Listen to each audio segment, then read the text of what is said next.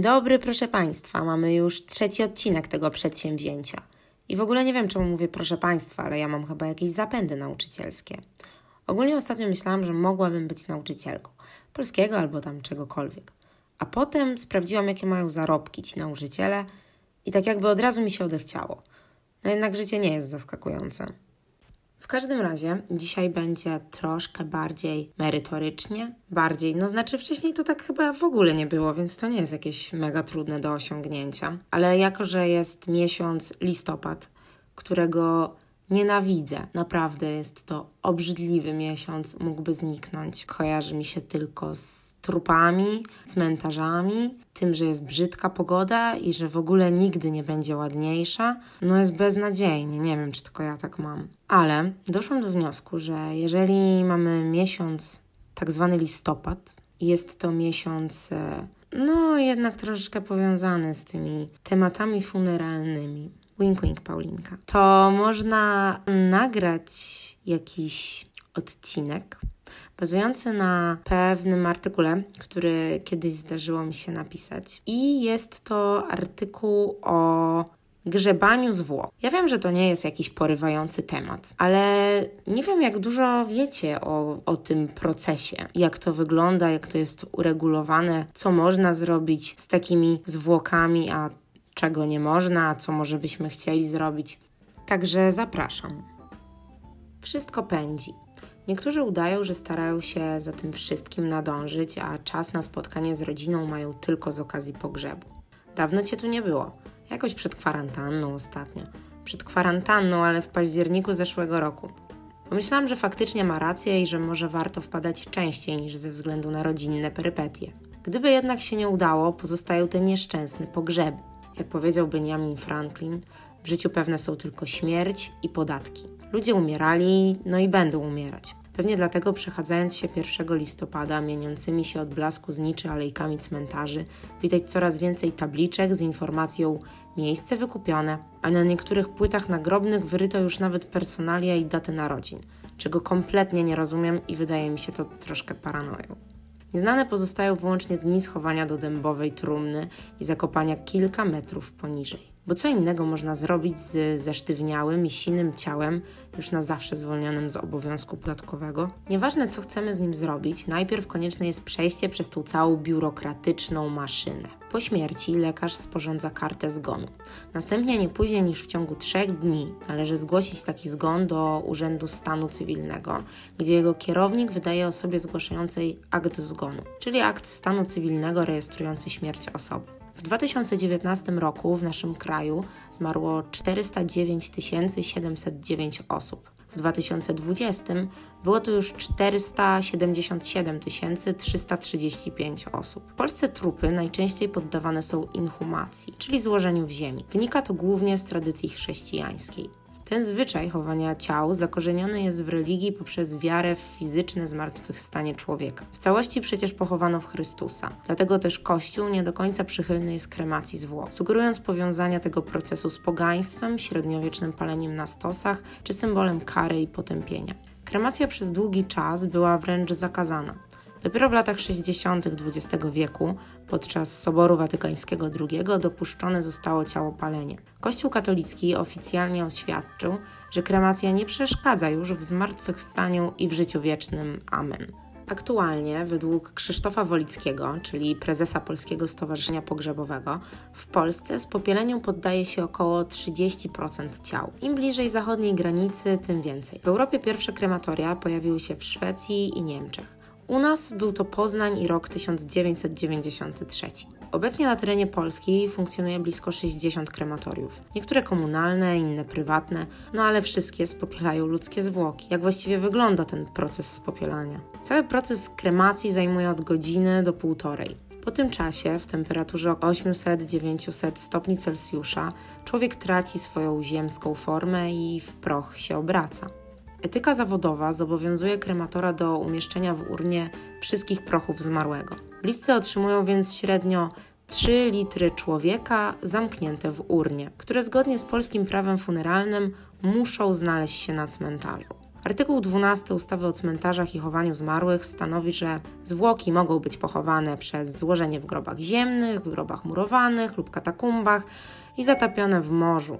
Szczątki pochodzące ze spopielenia zwłok mogą być przechowywane także w kolumbariach. No nie mam pojęcia, co to jest. Obecny stan prawny, który pochodzi z 1959 roku, jakby to powiedzieć, dawno, na domiar złego stanowiący w dużej części kopię przepisów przedwojennych, nie zezwala więc na rozsypywanie prochów w dowolnym miejscu. U nas w kraju nie można ani rozsypać dziadka na podwórku, ani postawić sobie babci nad kominkiem. Tutaj wystarczy sąsiedzki donos, żeby dostać za to grzywnę do 5000 zł, albo zostać ukaranym 30-dniowym aresztem. Okazuje się, że w tym kraju nawet po śmierci nie można decydować o swoim ciele. Hehe, za życia też nie bardzo. Nie no dobra, nieśmieszne. Dla porównania w stanie Waszyngton dopuszczalne jest wykorzystywanie ciała jako kompostu, albo przekształcenie prochów w pamiątkowy diament. Typowy amerykański sen okazuje się być niekiedy nawet wieczny.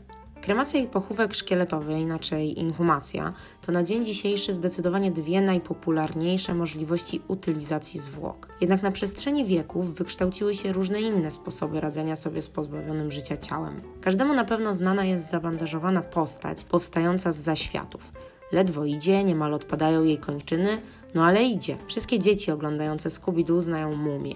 Jakoś żadnego nie dziwi to, że zabandażowane zwłoki najpierw spędziły 3000 lat w sarkofagu, a potem biegają po tych piramidach. Mumie przeszły z tych piramid egipskich do popkultury. Ciekawią ludzi. A najbardziej to, jakim cudem człowiek zawinięty w bandaże może w niemal nienaruszonym stanie przetrwać tysiąclecia. No właśnie, Jakim cudem? Proces mumifikacji Egipcjanie zaczynali od pozbawienia zmarłego organów wewnętrznych. Zazwyczaj oprócz serca, wątrobę, jelita, płuca i żołądek konserwowali i umieszczali w specjalnych urnach. Następnie pokrywali ciało solą na około 40-70 dni w celu pozbycia się z niego wody. Wysuszone zwłoki smarowano zapachowymi olejami i żywicą, do której z łatwością przyklejają się bandaże. Kilka warstw lnianych pasów, amulet gdzieś pomiędzy nimi i voilà, mumia gotowa. Pytanie jednak, po co to wszystko? I najbardziej przyziemnym tłumaczeniem, dlaczego w niektórych regionach nie przyjęło się palenie zwłok, jest po prostu brak drewna na stos. Egipt, wiadomo, jedna wielka pustynia. Dodatkowo względy religijne, wiara w pośmiertne życie. Z kumulacji tych czynników zapewne wynika cała wyrafinowana sztuka.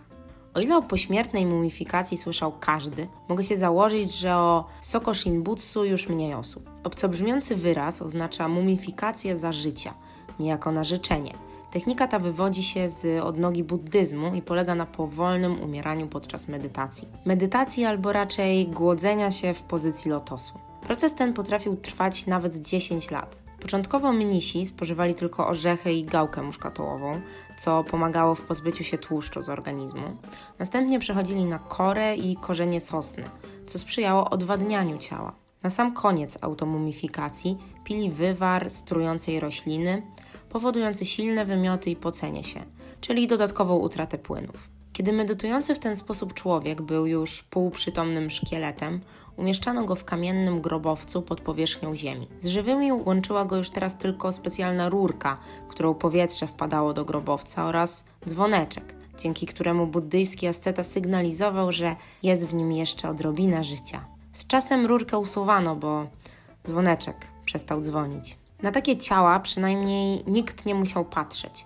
Albo zostawały w podziemiach, albo wkładane były do figur przedstawiających Buddę. Inaczej rzecz miała się w katakumbach kapucynów w Palermo, gdzie zwłoki wystawiano na widok mnichów. Wszystko po to, aby mieli oni na uwadze kruchość ludzkiej egzystencji. Historia 8 tysięcy ciał przytwierdzonych do ścian katakumb zaczęła się w momencie, gdy na sycylijskim cmentarzu skończyło się miejsce na chowanie zmarłych. Zakonnicy przypadkowo zauważyli wtedy, że pozostawione w piwnicach ciała po kilku tygodniach wcale nie są szkieletami, a stały się zmumifikowanymi zwłokami. Przez specyficzny, suchy mikroklimat nie zachodził tam proces rozkładu ciał. Z czasem mnisi nieco ulepszali ten proces. Zmarłemu w pierwszej kolejności usuwali organy wewnętrzne, potem ciało trafiało do zamkniętego pomieszczenia na około 8-12 miesięcy do wyschnięcia.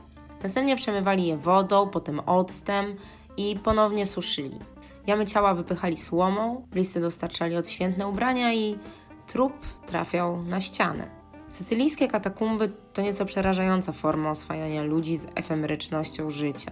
Jednak ich założenie zostało z pewnością osiągnięte, ergo dawni mieszkańcy Palermo wnieśli pewną wartość do świata, nie tylko tamtych żywych, ale i obecnych. Spacerując podziemnymi korytarzami w ciepłe wrześniowe popołudnie, rzeczywiście można poczuć własne usychanie. Nagle możliwe staje się spojrzenie śmierci w oczy, a raczej w puste już oczodoły anonimowych ciał.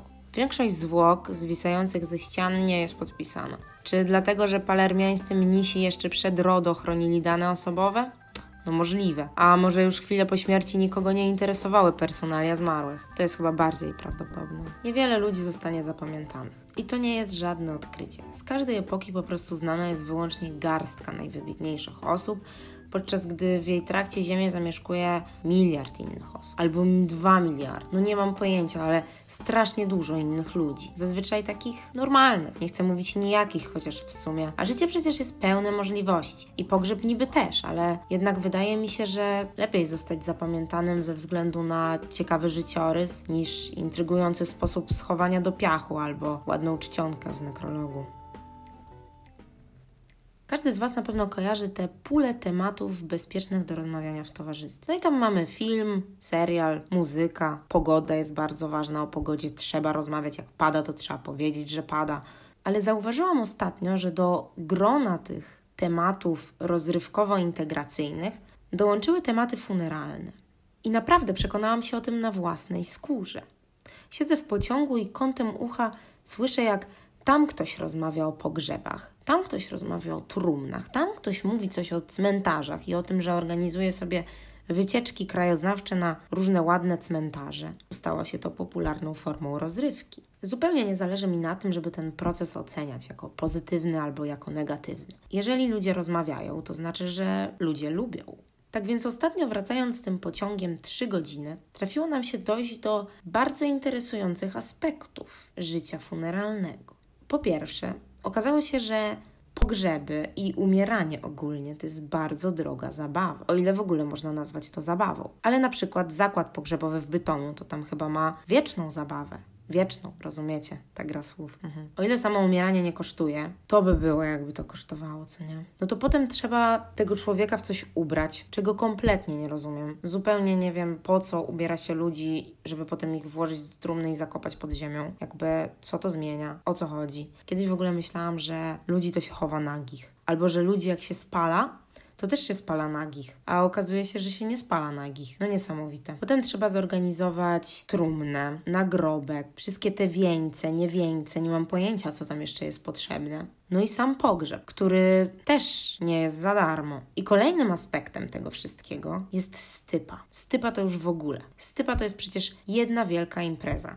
To jest jak wesele, tylko że powód jest trochę inny. Trochę smutniejszy, no ale jeżeli już decydujemy się na robienie imprezy, no to zróbmy ją dobrze, prawda? Ja nie wiem, dlaczego niektórzy mają takie podejście do stypy, że to jest smutny czas. To podobno zostało stworzone dlatego, żeby odciąć ten okres żałoby od tego momentu powrotu do normalności i że stypa ma być tym takim delikatnym przejściem. No ale to się trochę kłóci z podejściem, że żałoba trwa rok po śmierci czy tam ileś. Anyway, jak ktoś nie chce stypy, to niech zrobi, nie wiem, różaniec, lol. Ale żeby kogoś w ogóle gdzieś schować, do jakiejś tam trumny czy czegoś, to najpierw trzeba mieć to miejsce w ziemi, do którego chcemy to schować. No i tutaj pojawia się kolejny problem, czyli trzeba to kupić. No i niektórzy decydują się na kupno tego miejsca już za życia. No i to akurat rozumiem, ktoś nie chce sprawiać problemu rodzinie, bo wiadomo, koszty, koszty i takie tam. Kupowanie miejsca ok, ale niektórzy idą dalej, czyli budują sobie nagrobek. No jeszcze nagrobek bez napisów, nadal jestem zdania, że wszystko jest pod kontrolą. Problem pojawia się wtedy,